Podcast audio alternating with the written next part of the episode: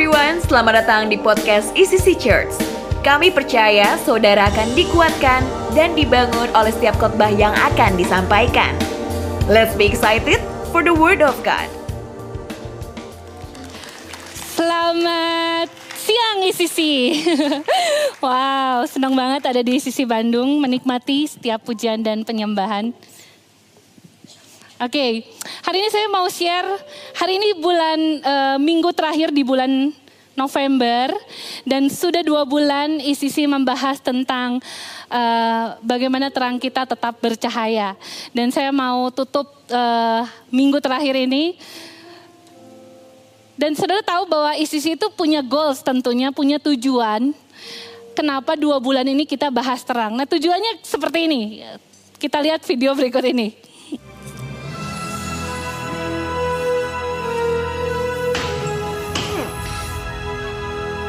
Wih keren banget. Diulang ya, kayak diulang. diulang. Ketika iblis mau curi terangnya saudara, tapi saudara ingat siapa saudara, maka saudara akan menjaga terang itu tetap nyala. Kasih, kasih tepuk tangan buat Tuhan.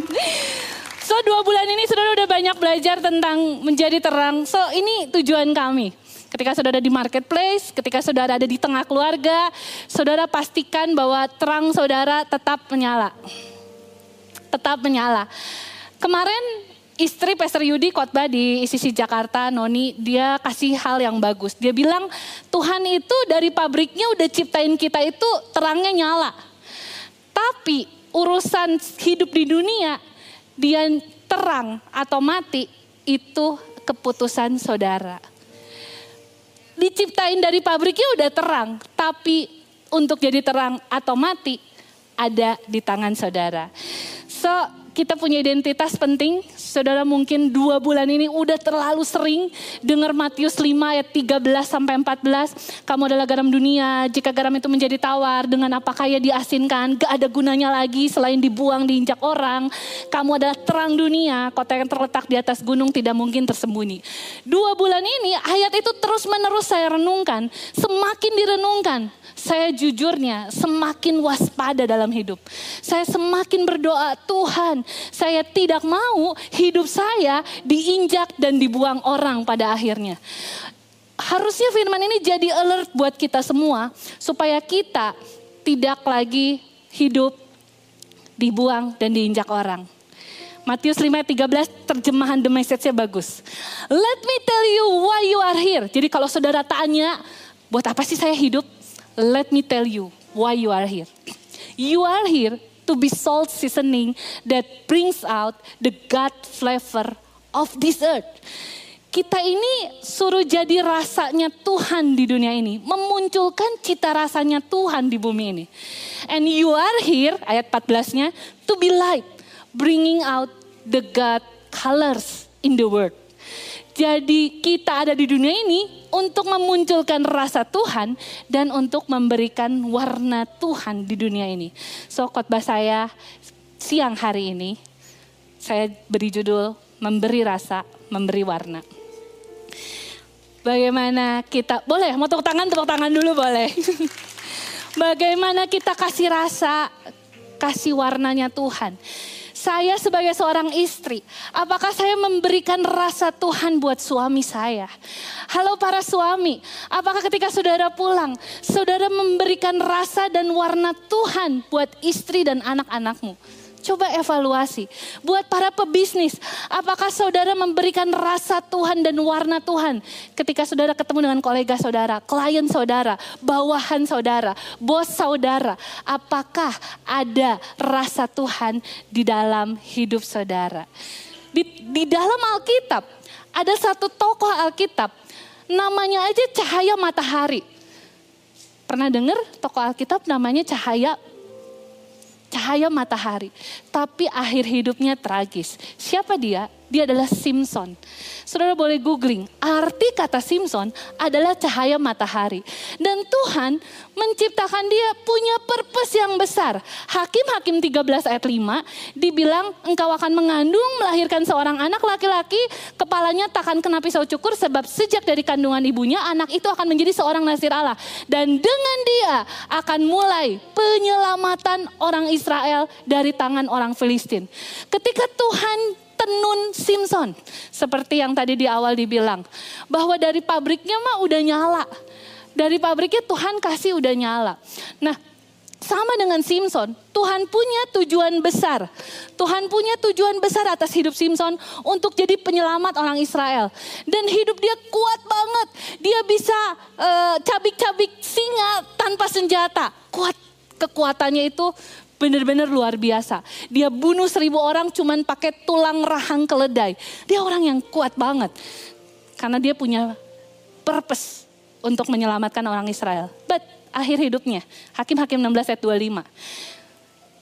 Dia ditangkap sama Filistin, karena dia membocorkan rahasia kekuatannya dia dan dia bilang gini, ketika hati mereka yang gembira, berkatalah mereka, panggil Simpson untuk melawak bagi kita. Simpson dipanggil dari penjara, lalu ia melawak di depan mereka. Tragis, penyelamat, pelawak. Penyelamat bangsa Israel, pelawak di hadapan musuh-musuhnya. Karena saudara tahu, nanti saudara baca kita uh, kisahnya Simpson, dia jatuh cinta sama Delila, Delila merengek-rengek. Sampai Simpson bilang sampai mau mati rasanya gak kuat. Akhirnya dia ceritakan semua. Dan akhirnya Delila mencukur rambutnya. Dan suddenly hilang kekuatannya. Dan ditangkap, dibutakan matanya, dicungkil matanya dua, dipenjara. Dan disuruh ngelawak. Tragis gak? Saya baru ngerti baca kitab, kitab Simpson. Arti diinjak dan dibuang orang. Ketika saudara kehilangan rasa Tuhan. Tuhan bilang buat gimana caranya ngasinin lagi selain diinjak dan dibuang orang. So saya berdoa, ICC Bandung, supaya hidupmu jangan sampai diinjak dan dibuang orang. Karena Tuhan punya purpose besar atas hidup setiap saudara. Ada amin, ada amin. So saya punya usaha uh, franchise. Jadi saya punya beberapa toko franchise dan punya grup owner. Di grup owner itu uh, sering kasih informasi dan lain-lain. Dari cuman puluhan tiba-tiba udah ratusan. Artinya franchise itu semakin banyak. Bersaingnya pun semakin ketat. Dan seperti biasa saya hanya pembaca, nggak pernah komen, jarang banget komen. Tiba-tiba ada satu orang, owner, dia panik. Pagi-pagi dia bilang, wah tolongin tiba-tiba karyawan dia demo nggak masuk kunci toko dibawa dan and then eh, nggak uh, tahu ke mana nggak bisa dihubungin semuanya nomor saya diblok dan lain-lain. Wah kok bisa? Dalam hati saya kok bisa ya? Wah mulai komen bermunculan Kenapa? Gajinya kali kurang. Mungkin kamu kurang kasih ini. Kenapa? Mungkin kamu galak atau apa mungkin ya. Pokoknya semua komentar masuk. Tiba-tiba ada satu komentar bilang seperti ini. Lokasinya di daerah mana? Saya bisa bantu kirim karyawan saya ke sana supaya kamu bisa tetap buka toko. Wow, saya langsung wow, siapa orang ini? Orang yang memunculkan rasa Tuhan, karakter Tuhan rasanya menjadi impartasi buat banyak orang, menjadi inspirasi buat banyak orang. Saya sampai mau kenal orang itu. Dan saya percaya ketika kita memunculkan rasa Tuhan, ketika kita memunculkan warna Tuhan, dunia akan tertarik sama kita. Amin. So how to become salt and the light? Bagaimana cara bawa rasanya Tuhan dan rasa uh, warnanya Tuhan ke dunia ini? Saya mau bagiin tiga poin aja, tiga poin. Yang pertama, bring out the present kita harus memunculkan hadirat Tuhan ke mana pun kita melangkah. Kan kita mau bawa rasanya Tuhan, kita mau bawa warnanya Tuhan. Of course kita harus memunculkan, kita harus bawa hadirat Tuhan ke mana pun kita melangkah. Artinya kita harus bawa karakter Tuhan, kita harus bawa firmannya Tuhan, kita harus bawa perkataannya Tuhan. Amin. Mari kita kembali kepada cerita Simpson. Menurut saudara, menurut saudara, apa yang menjadi kekuatannya Simpson? Di mana letak kekuatan Simpson? Ada yang bisa jawab? Di mana? Yang ikut sekolah minggu pasti hafal. Rambut. Banyak orang bilang, oh rambutnya menjadi uh, kekuatannya Simpson. Karena ketika rambutnya digunting, kekuatannya hilang. Saya mau kasih tahu rahasianya. Hakim-hakim 14 ayat 6, saya bacain dengan cepat dengan cepat. Pada waktu itu berkuasalah roh Tuhan atas dia sehingga singa itu dicabiknya seperti orang mencabik anak anak kambing tanpa apa-apa di tangannya. Hakim-hakim 14 ayat 19. Maka berkuasalah roh Tuhan atas dia lalu pergilah ia ke Askelon dan dibunuhnya 30 orang di sana. Hakim-hakim 15 ayat 14 sampai 15. Maka berkuasalah roh Tuhan atas dia kemudian ia menemui sebuah tulang rahang keledai yang masih baru diulurkan tangannya dipungutnya dan dipukulnya mati seri ribu orang dengan tulang itu. Ketika saudara baca tiga ayat ini, mari simpulkan. Mari kita simpulkan bersama. Di mana letak kekuatan Simpson? Kekuatan Simpson ada pada penyertaan Tuhan. Ketika roh Tuhan berkuasa atas Simpson, terjadilah kekuatan yang super. Bukan pada rambutnya. Rambut hanya media tentang bicara ketaatan Simpson karena roh Tuhan, penyertaan Tuhan, hadirat Tuhan berkuasa atas Simpson. Itulah letak kekuatan Simpson. Di detik-detik akhir hidupnya, ketika dia menceritakan kepada Delila pacarnya itu, ya tentang rambut, dia bilang kalau digunting hilanglah kekuatannya dan dilakukanlah oleh Delila. Ini yang terjadi. Hakim-Hakim 16 ayat 20 sampai 21. Lalu berserulah perempuan itu, orang Filistin menyergap engkau Simpson. Maka terjagalah ia dari tidurnya serta katanya, tenang-tenang seperti yang sudah-sudah. Karena sebelumnya pun Delila melakukannya, tapi Simpson bisa melepaskannya. Seperti yang sudah-sudah, aku akan bebas dan meronta lepas. Tetapi tidaklah diketahuinya bahwa Tuhan telah meninggalkan dia. Tetapi Simpson gak menyadarinya. Simpson gak tahu bahwa Tuhan meninggalkan dia. Orang Filistin menangkap dia, mencungkil kedua matanya dan membawanya ke Gaza. Di situ dia dibelenggu dengan dua rantai tembaga dan pekerjaannya di penjara ialah menggiling. Can you imagine? Kepergian Tuhan dari hidupnya Simpson pun tidak disadarinya. Kekuatannya bukan pada rambutnya, tapi ketika hadirat Tuhan pergi dari hidupnya. Dua bulan yang lalu saya share tentang rest di tempat ini. Saya bilang di akhir, saudara boleh lupain khotbah saya, tapi satu bawa pulang dan terus diingat, yaitu set an appointment with God every day. Saudara lihat schedule-nya, schedule saudara lihat, saudara ketemu meeting A, B, C, klien A, B, C. Apakah ada appointment dengan Tuhan setiap harinya? Ketika saudara set an appointment with God every day. Saudara akan selalu sadar akan kehadiran Tuhan. Saudara akan sadar ke mana pun saudara pergi. Saudara akan selalu membawa, memunculkan hadirat Tuhan di dalam hidup saudara. Katakan amin. Ketika Daud mau memindahkan tabut perjanjian Tuhan. Di tengah jalan terjadi musibah, hampir tergelincir, orang yang memegangnya terus mati tiba-tiba. Daud akhirnya titipin di rumah Obed Edom. Dan apa yang terjadi ketika ada hadirat Tuhan di Obed Edom? Satu Tawarik 13 ayat 14, tiga bulan lamanya tabut Allah itu tinggal pada keluarga Obed Edom di rumahnya. Dan Tuhan memberkati, sekali lagi Tuhan memberkati keluarga Obed Edom dan segala yang dipunyainya. Tuhan berkati keluarganya dan segala yang dipunyainya. So bring out the presence of God. Ke mana pun saudara pergi, ke keluarga. Peran apa pun yang saudara punya hari ini. Peran sebagai suami, istri, ayah, ibu, uh, bos, atasan, bawahan. Peran apa pun yang saudara miliki. Bring out the presence of God wherever you go. Bahkan bawa hadirat Tuhan di titik terendah hidupmu sekalian. Sekalipun engkau ada di titik terendah hidupmu. Kau jangan melupakan hadirat Tuhan dalam hidupmu story saya mungkin udah banyak yang tahu dengan khotbah-khotbah saya, saya selalu ceritain story saya. Bahkan terakhir udah difilmin di film Yasya. Wah kayaknya semua orang udah tahu. 15 tahun menantikan anak.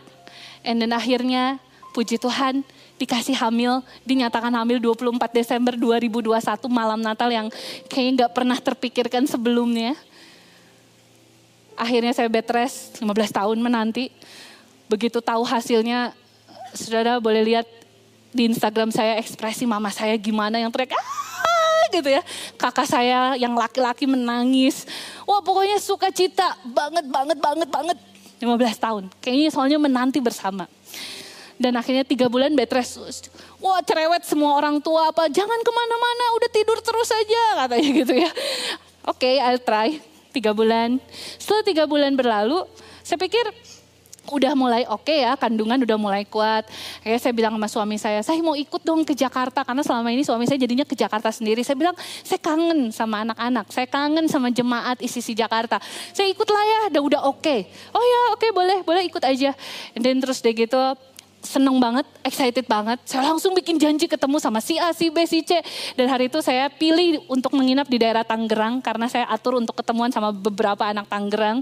Oke, okay, Begitu sampai Jakarta langsung ketemu makan sama ada uh, Pastor Ricky, Yeni, ketemu Ronald, training. Oh pokoknya kita seneng banget. Tidak terasa ngobrol, ketawa-ketawa. Wah tiga bulan diisolasi gitu kayaknya ya. Happy banget. And then pas pulang ke hotel, begitu sampai hotel, saya ke toilet, saya mau buang air kecil. Dan saya shock karena tiba-tiba bleeding. Itu gemetar dari atas sampai bawah dan saya teriak sama suami saya. Saya, saya bilang, Ya ya kenapa? Ini keluar darah saya bilang. Wah suami saya kaget banget. Tenang tenang. Suami saya berusaha menenangkan saya. Saya langsung nangis teriak. Tenang dulu tenang tenang. Terus dia bawa saya ke ranjang. Udah kamu tidur aja dulu. Dia selimutin saya. Saya pergi dulu saya cariin pembalut buat kamu kata dia gitu. Terus suami saya langsung pergi. Saya tahu sih sebenarnya dia juga butuh menenangkan diri tapi nggak mau kelihatan panik depan saya gitu ya. Ini dia pergi. Terus saya udah mau nangis udah gimana. Terus suami saya akhirnya datang lagi. Dia bilang ini pembalutnya kamu tenang aja. Kamu tenang dulu ya. Saya tadi saya udah cari-cari dokter ini udah malam dan ini hari hari Sabtu besok hari Minggu. Saya nggak ketemu ada dokter yang bisa USG ini ada apa ya? Ya, tenang dulu tenang kata suami saya. Terus dia ambil iPad suami saya, dia setel uh, lagu saat teduh dari Yesus Abraham kan tuh nonstop gitu ya. Saya kita nyembah Tuhan aja sampai ketakutan kita hilang. Hah? Gimana maksudnya? Ini kita gak ke dokter. kita sembah Tuhan aja dia bilang. Oke, okay, oke okay, saya bilang. Saya mulai diam, saya mulai nyanyi satu lagu, dan saya mulai worship, saya mulai terus sembah sampai ketakutan itu lama-lama hilang. 1 Yohanes 4 ayat 18 kalau nggak salah nggak ada di sini. Kasih yang sempurna itu melenyapkan ketakutan. Kasih yang sempurna itu dari Tuhan, right? So ketika saudara menyembah kasih yang sempurna itu, menyembah Tuhan yang sempurna itu, akan ada pertukaran ilahi. Ketakutan saudara akan diganti dengan kekuatan. Kekhawatiran saudara akan diganti dengan ketenangan. Duka cita saudara akan diganti oleh sukacita dari Tuhan. Wow. Dan apa yang terjadi?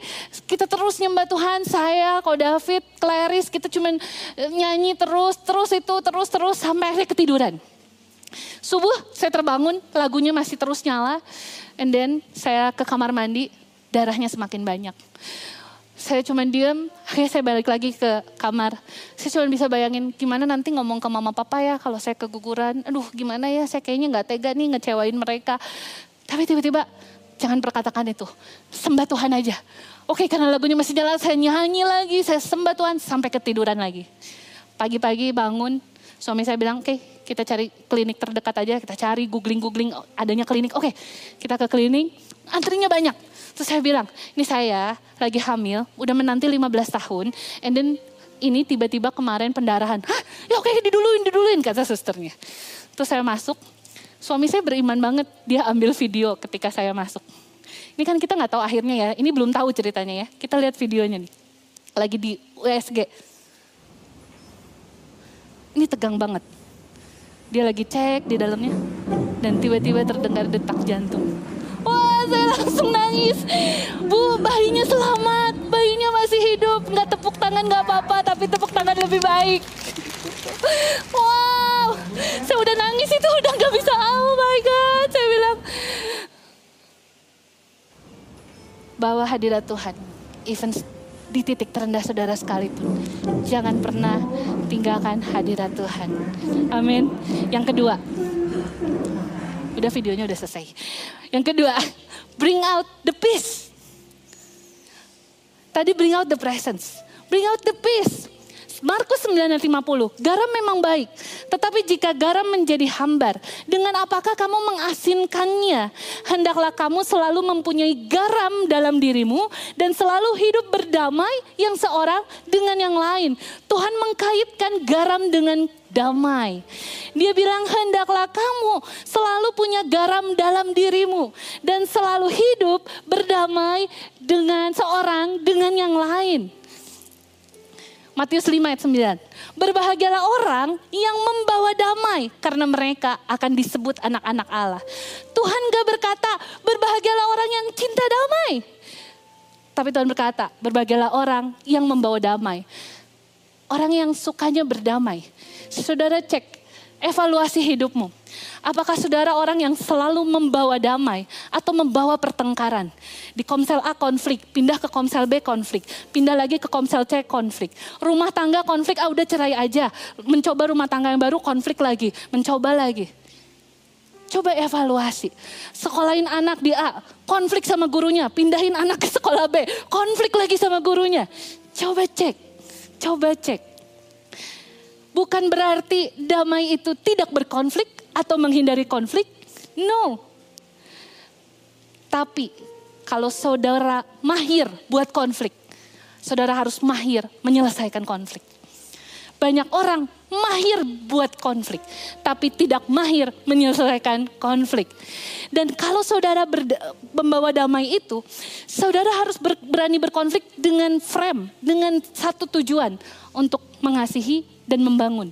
Dua aja. Di luar itu nggak usah berkonflik. Kalau berkonflik hanya untuk menghancurkan, tidak usah. Tapi kalau saudara perlu argue, perlu berkonflik. Karena mengasihi, karena mau membangun, berkonfliklah dengan damai sejahtera. Dan jangan lupa, mahir menyelesaikan konflik. Roma 12 ayat 18 dibilang gini, sedapat-dapatnya kalau hal itu bergantung padamu, hiduplah dalam perdamaian dengan semua orang. Kalau itu bergantung sama kita, hiduplah berdamai dengan semua orang. Saya mau testimoni. Uh, puji Tuhan banget di tahun ini Tuhan percayain satu aset sama kita. Ini another story lagi nanti next time. But kami bermimpi udah lama, bergumul udah lama, dan akhirnya Tuhan kasih kasih karunia-Nya. Kita beli, bisa beli satu aset yang sudah dimimpikan, yaitu di Jalan Dago, buat dijadiin villa uh, dengan view yang bagus, ada kolam renang, infinity itu mimpi yang sudah bertahun-tahun dan sudah kita doakan. Akhirnya tahun ini uh, dua tahun tepatnya dua tahun yang lalu kita mulai cari tanah, membangun, uh, mendekornya segala macam sampai akhirnya dua tahun rumahnya jadi bersyukur ada Ivalin juga yang interiorin villanya keren banget, bagus banget ya. Thank you Ivalin buat jadi part of our journey. Dan dan dan di villa itu uh, ketika hampir jadi, suami saya langsung bilang gini, oh kita harus udah mulai cari internet nih katanya. Jadi ketika cek, ternyata tidak ada provider lain selain provider cuman satu yang itu, saya nggak sebut namanya. Pokoknya cuma ada yang itu. Akhirnya kita telepon, marketingnya semangat banget, datengin uh, kita tanda tangan, deal, and then teknisinya datang. Begitu teknisi datang, dia ngecek, wah Pak, Bu, ini nggak bisa pasang internet, nggak ada sinyalnya. Sinyalnya cuma sampai rumah sebelah. Hah gimana maksudnya? Ya ini mungkin kawasan baru jadi sinyalnya belum sampai. Gimana caranya supaya sampai? Ya Bapak ajuin aja, berapa lama? Hmm, gak tahu, bisa enam bulan, bisa setahun. Lah, terus bagaimana villa tidak ada internet itu gimana ceritanya kata kita? Wah kita setiap minggu teleponin customer service, pokoknya intinya gak bisa aja. Udah berbagai macam cara kita coba, gak bisa. Wah, kata suami saya, ya udahlah pakai portable dulu gitu, mahal sih, tapi ya udahlah. Ya udah deh, Sampai akhirnya rumah itu eh, perlahan-lahan jadi selesai. Wah kita lagi menikmati duduk di ah, akhirnya kebesaran Tuhan ya vilanya jadi puji Tuhan. Tapi mata suami saya kan OCD banget ya ngelihat sesuatu yang gak rapi atau apa. Tiba-tiba dia melihat ada kabel melintang dari ujung jalan sampai ke rumah kita melintang kepada balkon kita yang cantik itu. Boleh lihat videonya, mengganggu sekali. Lihat kabelnya dari ujung jalan sampai ke rumah kita. Nah, itu kabel. Nah, Nah, sudah bisa bayangin gak? Lagi duduk-duduk, mau menikmati sunset, menikmati sunrise, matahari. Tiba-tiba ada kabel. Waduh, dia mulai cari tahu ini kabel apa sih? Terus kata orang uh, kata orang developer, oh itu kabel provider yang rumah sebelah. Wow, kata suami saya, saya tidak bisa menikmati internetnya, tapi saya menikmati kabelnya, dia bilang gitu kan. Terus, oke oke gini deh, kita deal-dealan tolong bilangin sama rumah sebelah, bisa nggak kita join? Oke, nggak apa-apa lah kabel melintang, oke lah tutup mata lah. Tapi bisa nggak kita join? Tarik kabel, join. Saya yang bayar deh, saya lebihin deh. Naikin Mbps-nya saya yang bayar, kata suami saya. Oke, kata marketingnya nanti disampaikan. Entah udah disampaikan atau belum, entah marketingnya nggak mau repot atau enggak. Pokoknya datang ke kita dan bilang, ownernya nggak mau. What? Gak mau? Eh, tapi kabelnya itu melintang depan rumah kita. Langsung suami saya, saya ambil gunting saya. Hah, mau ngapain saya? Ketrik gitu, kayaknya beres semua gitu kan. Udah ngobrol sama orang interior Ivalin yang sangat sama-sama OCD-nya juga. Ya kok gunting aja kok, kayaknya lebih rapi. Ya iyalah lebih rapi ya. Buat hari itu, kok David struggle banget.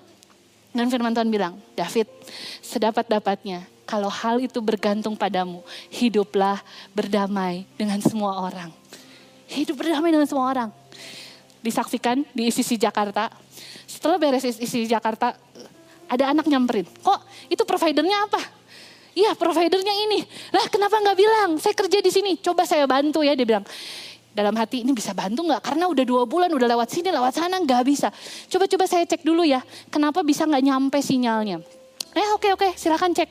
Hari Minggu itu ya pulang ibadah. Hari Selasa tiba-tiba telepon. Kok nanti akan ada marketing yang telepon kok lagi. Oh oke oke oke. Hari Rabunya marketingnya tiba-tiba telepon saya. Sinyal akan segera dikirim. Pokoknya akan dibuat pancang tiang segala macam. Hah secepat ini? And then Kamis kita lihat di CCTV gitu ya datang satu truk bawa besi apa segala macam. Bawa tiangnya, kabelnya dipasangin dan dirapihin yang di rumah sebelah. Gak, gak jadi melintang di kita. Ini tiba-tiba beres hari Kamis.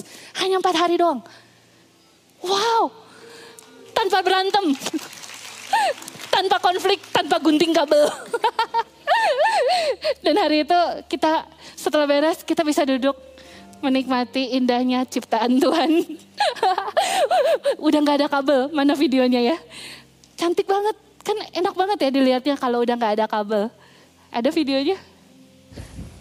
Nah, lihat gak ada kabel bersih. Yang kita lihat ciptaan Tuhan perbukitan hijau. Waduh tepuk tangan dong buat Tuhan kita. Hari ini saya penasaran saya tanya sama dia kamu jabatannya apa? Dan dia nggak mau kasih tahu ya udah deh gak apa-apa lah. Yang penting beres ya saya gak bisa bayangin kalau suami saya akhirnya menggunting kabel itu dan viral. Tiba-tiba di, mungkin disu sama perusahaannya seorang lead pastor menggunting kabel. Waduh saya udah gak bisa bayangin. Karena berkali-kali dia udah pegang gunting kayaknya. Gunting jangan ya, gunting jangan. David, kalau hal itu bergantung padamu, betul saya? Hiduplah dalam berdamai dengan semua orang. Terakhir, bring out the love the present, the peace, and the love. Tuhan ingin kita sebagai anak-anaknya Tuhan itu membawa, menonjolkan, dan mendemonstrasikan kasih Bapa sama dunia ini. Tuhan pengen kita itu mendemonstrasikan kasihnya Tuhan. Di Alkitab ada dua cerita yang buat saya makin mengerti hatinya Bapak sama generasi ini. Saya ceritakan dengan cepat. Yang pertama, Hosea. Hosea itu seorang nabi, tapi dikasih perintah sama Tuhan buat menikahi seorang pelacur.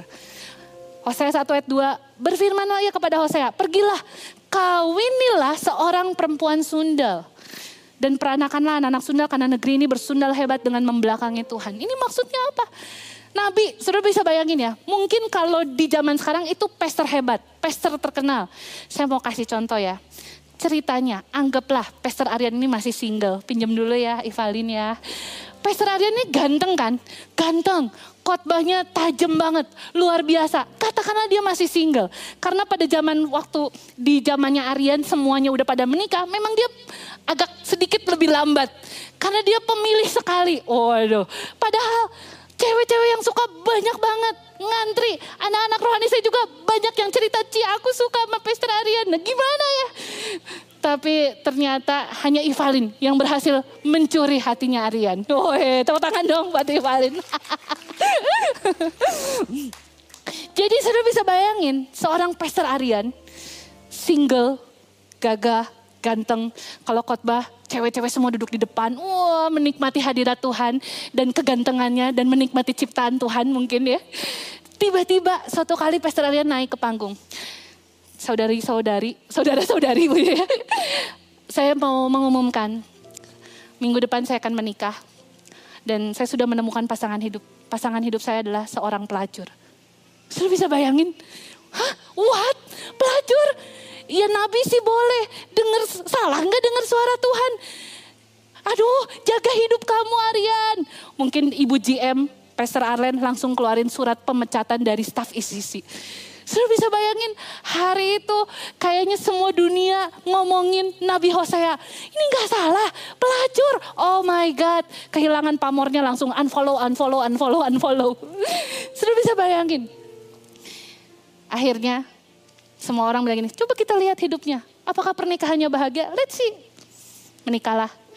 Sampai punya tiga anak, apa yang terjadi? Istrinya kembali lagi kepada kepelacuran. Sudah Gak bisa bayangin, gak bisa bayangin gak? Orang-orang, nah kan akhirnya gue udah bilang. Nah kan, Pastor Aryan salah denger kan? Nabi katanya tapi salah denger. Nah kan, wah pasti semua. Ada satu film menggambarkan film Hosea ini, tapi kemarin saya cari YouTube kayak udah hilang gitu. Saya pernah nonton filmnya, di mana judulnya Amazing Love, di mana si Hosea ini nangis, Tuhan istri saya meninggalkan saya. What should I do? Dia berat banget. Istrinya kembali lagi kepada kehidupan yang lama. Tuhan cuman bilang gini, Hosea 31, pergi lagi, cintai lagi. Pergi lagi, cintai perempuan itu. Seperti Tuhan juga mencintai orang Israel sekalipun mereka berpaling. Tuhan itu lagi mau demonstrasiin kasihnya Tuhan lewat Hosea. Dan apa yang dilakukan Hosea? Setelah dia nangis, dia kumpulin semua harta yang dia punya. Semua yang dia punya, tepung beras, jelai dan segala macam. Akhirnya dia berjalan ke pelelangan. Dan istrinya lagi dilelang, ini di filmnya. Istrinya lagi berdiri, lagi dilelang. Siapa yang berani bayar dan bisa meniduri istrinya. Hosea datang. Dia kasih semua hartanya. Saya mau beli wanita itu. Dia tebus kembali apa yang sudah jadi miliknya. Sudah bisa bayangin? Dan ini ini ini di filmnya di gambar terakhir dia langsung samperin si Gomer dan dia gendong bawa kembali. Bukankah Gomer menggambarkan kita? Yesus harus kembali menebus kita yang padahal kita adalah miliknya oleh karena dosa-dosanya kita. Wow. Yang kedua, Yunus. Ini dua tokoh ini yang mendemonstrasikan kasih Tuhan itu gila banget. Yunus dia pergi ke Niniwe, eh, dia harus pergi ke Niniwe untuk memberitakan Injil karena Niniwe sangat parah dan Tuhan mau menunggang balikan kota itu, mau menghanguskan kota itu, tapi dia minta Yunus untuk memberitakan Injil, tapi dia lari ke Tarsis. Karena Niniwe itu jahat banget, nindas bangsa Israel jahat banget, makanya Yunus males banget, udah lebih baik memang itu memang udah seharusnya mati aja tapi akhirnya saudara tahu dia dimakan ikan bla bla bla sampai akhirnya oke okay, oke okay, oke. Okay. dia balik ke Niniwe. Dan saudara tahu hatinya dia dia nggak pakai belas kasihan lagi menginjili. Eh bertobat bertobat bertobat cepet. Kalau nggak kota ini mati. Bertobat bertobat bertobat bertobat. Kagak pakai hati. Ya orang kesel. Betul nggak? Udahlah Tuhan suruh oke okay lah. Bertobat bertobat. Kayaknya asal aja dia ngomong. Tapi ternyata penduduk kota Niniwe Wah langsung bertobat. Bahkan dia suruh ternak-ternaknya puasa-puasa. Ayo kita bertobat, bertobat. Ya, Yunus 3.10 bilang gini. Ketika Allah melihat perbuatan mereka itu. Yakni bagaimana mereka berbalik dari tingkah lakunya yang jahat. Maka menyesala Allah karena malapetaka yang telah dirancangkannya terhadap mereka dan ia pun tidak jadi melakukannya. Wah gak jadi tuh. Gara-gara Yunus menginjili tanpa belas kasihan itu gak jadi tuh. Seharusnya kalau jadi Yunus bangga dikit dong ya. Wih, tuh gara-gara gue tuh lu utang budi ya semua sama gue ya. Nih gara-gara gue lu gak jadi diangusin, lu gak jadi dibunuh. Mestinya bangga dikit. bangga lah gitu. Tapi bagaimana respon Yusuf? Yusuf, Yunus, bagaimana respon Yunus? Yunus 4 ayat 1 4 bilang gini, tetapi hal itu sangat mengesalkan hati Yunus. Marahlah dia dan berdoa kepada Tuhan, ya Tuhan, bukankah telah aku katakan ketika aku masih di negeriku, itu sebabnya maka aku dahulu melarikan diri ke Tarsis, sebab aku tahu bahwa engkau pengasih dan penyayang panjang sabar berlimpah kasih setia, serta menyesal karena malapetaka yang hendak didatangkannya. Jadi sekarang Tuhan cabut aja nyawa saya, biarin aku mati daripada aku hidup. Marah, Yunusnya marah, sampai Tuhan bingung. Tuhan bilang, Yunus, layakkah engkau marah? Yunus, kenapa kamu marah? Layak engkau marah? Wah kayaknya ini gak dijawab lagi sama Yunus. Marah, kesel. Terus Tuhan mikir, Loh gimana nih ya anak gue lagi ngambek nih. Tuhan mikir, ah Tuhan punya ide. Akhirnya Tuhan bikin ada satu pohon yang ditumbuhkan dalam satu malam. Brut, pohonnya rindang banget, hijau banget. Wah Yunus terhibur katanya. Dia duduk, Pasti udaranya panas banget, dia terhibur tiba-tiba ada pohon yang sangat rindang. Tapi dalam semalam, tiba-tiba pohonnya hilang. Pek. Dan Yunus yang marah-marah lagi. Langsung Tuhan bilang gini, Yunus, engkau sayang kepada pohon yang untuknya sedikit pun engkau tidak berjerih payah. Yunus 4 ayat 10 sampai 11. Dan yang engkau tidak tumbuhkan, yang tumbuh dalam satu malam, binasa dalam satu malam kamu marah sama pohon yang kamu gak ada usaha tuh buat numbuhinnya. Terus Tuhan ngomong gini di Yunus 4 ayat 10 sampai 11. Ada ayatnya ya di layar. Tuhan ngomong gini, Bagaimana tidak aku akan sayang kepada Niniwe. Kota yang besar itu. Yang berpenduduk lebih dari 120 ribu orang. Yang semuanya tidak tahu membedakan tangan kanan dan tangan kiri. Dan ternaknya yang banyak. Tuhan lagi bilang, Yunus kamu gak numbuhin pohon, kamu marah dia binasa. Gimana dengan saya? Saya yang ciptain mereka. Saya yang tenun mereka di kandungan ibu mereka. Bagaimana saya nggak sayang, Tuhan bilang. Mereka yang tidak bisa bedain mana tangan kanan, tangan kiri. Artinya mereka mah nggak bisa bedain mana dosa, mana nggak dosa. Mana lagi diperbudak sama dosa, mana yang lagi hidup dalam kemerdekaan. Mana yang hidup dalam kehidupan, mana yang hidup dalam kematian. Mereka nggak bisa bedain. Gimana saya yang menenun mereka nggak sayang sama Niniwe.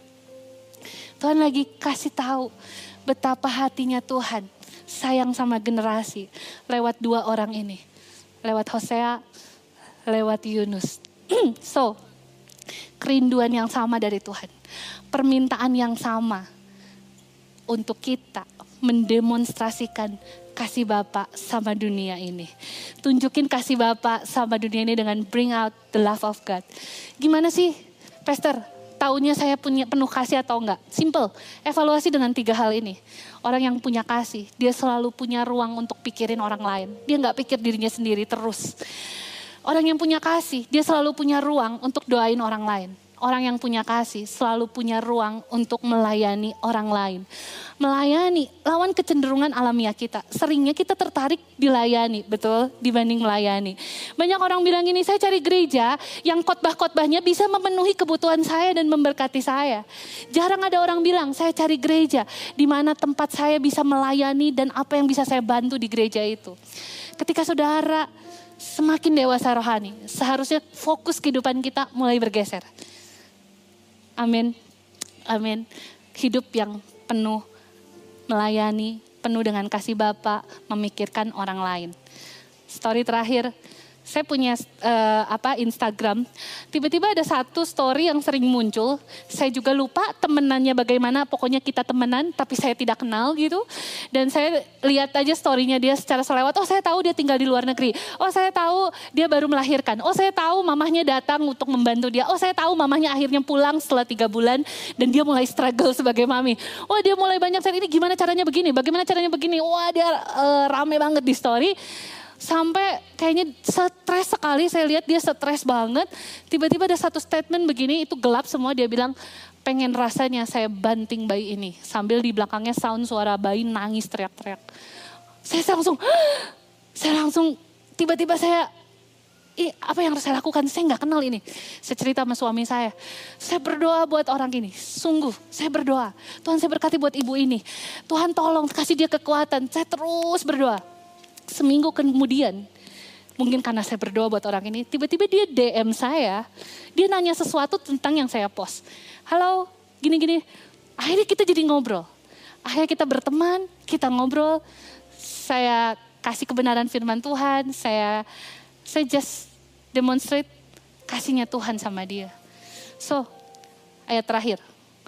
Roma 15 ayat 1 sampai 2. Ini bagus banget terjemahan the message. Those of us who are strong and able in the faith need to step in and lend a hand to those who falter. And not just do what is most, is most convenient for us. Strength is for service, not status. It's one of us needs to look after the good of the, the people around us. Asking ourselves, how can I help?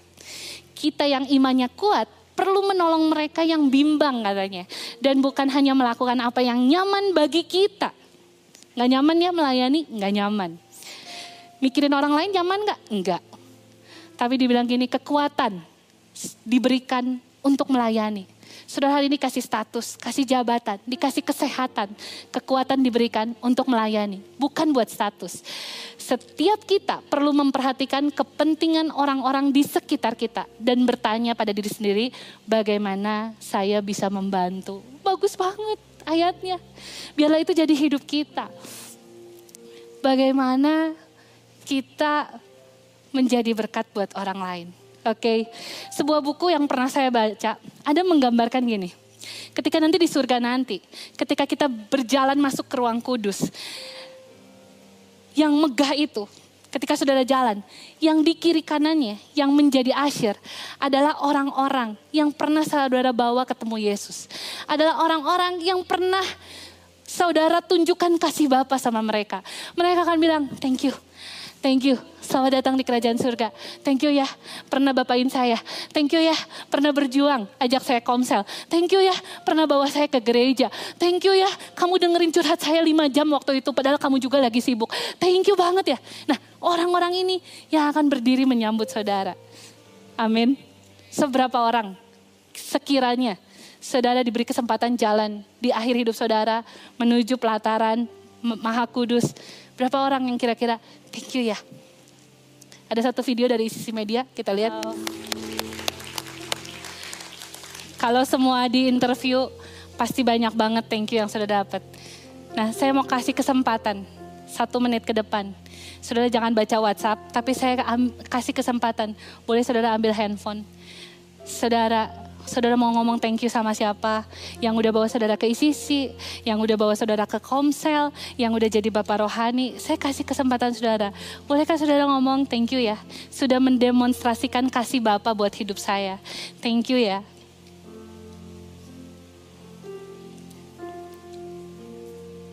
Jangan balas WhatsApp, tetap di hadirat Tuhan. Just saya kasih kesempatan buat saudara chat. Thank you. Udah pernah mengejar saya waktu saya udah lagi males ke gereja. Thank you udah berdoa buat saya waktu saya sakit. Just apa pun yang saudara ingat yang menemani perjalanan rohani saudara.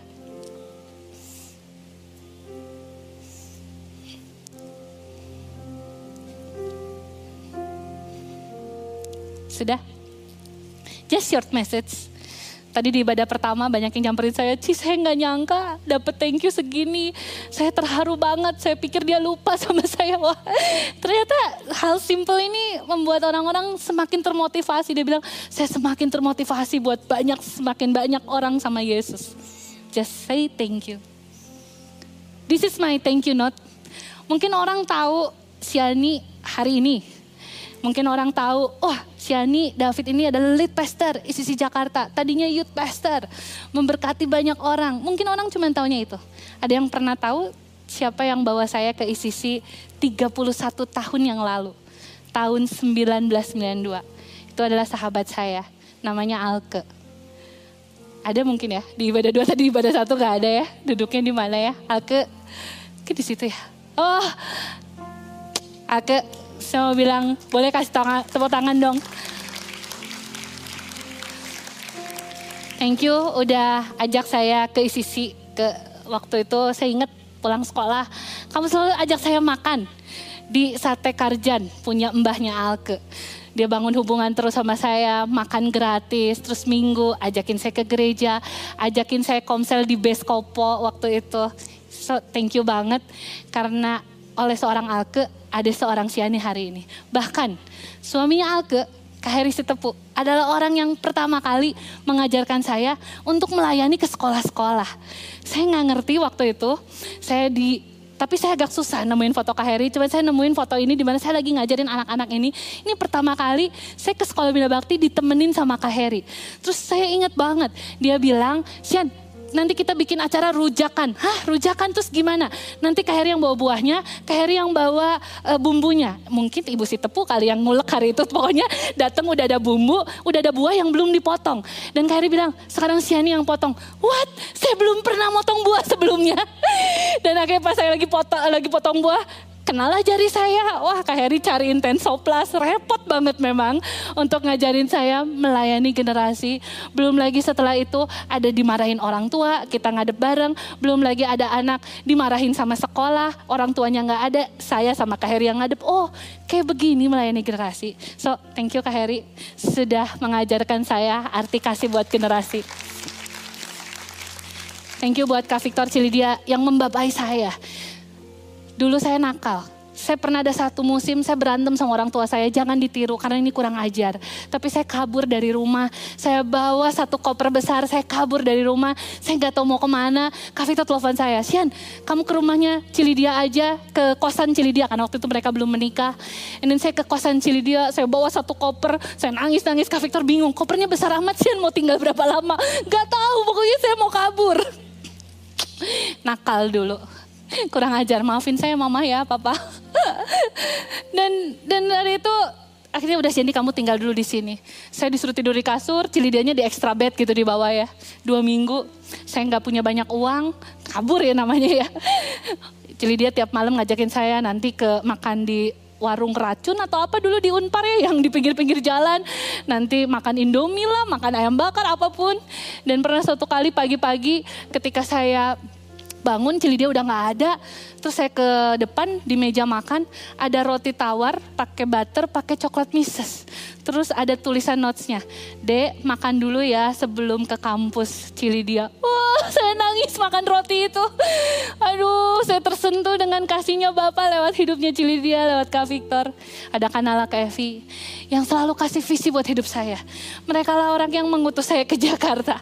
Lagi Natalan momen Natal itu saya inget banget kanala tiba-tiba liatin saya.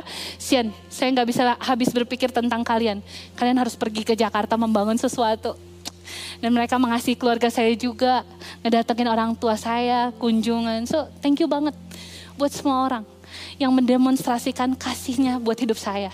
Sehingga saya sampai ada di tempat ini. So saudara, bring out the present. Bring out the peace. Bring out the love. Ini bawa terus ke mana-mana sebagai hadiah. Bawa ini ke rumahmu sebagai hadiah untuk anak-anakmu dan suamimu. Seneng ya kalau punya istri ini yang dibawa. Seneng ya kalau jadi anak mamahnya selalu bawa ini ke rumah. Selalu bawa. Seneng ya kalau saudara bawahan dan bos saudara selalu bawa ini.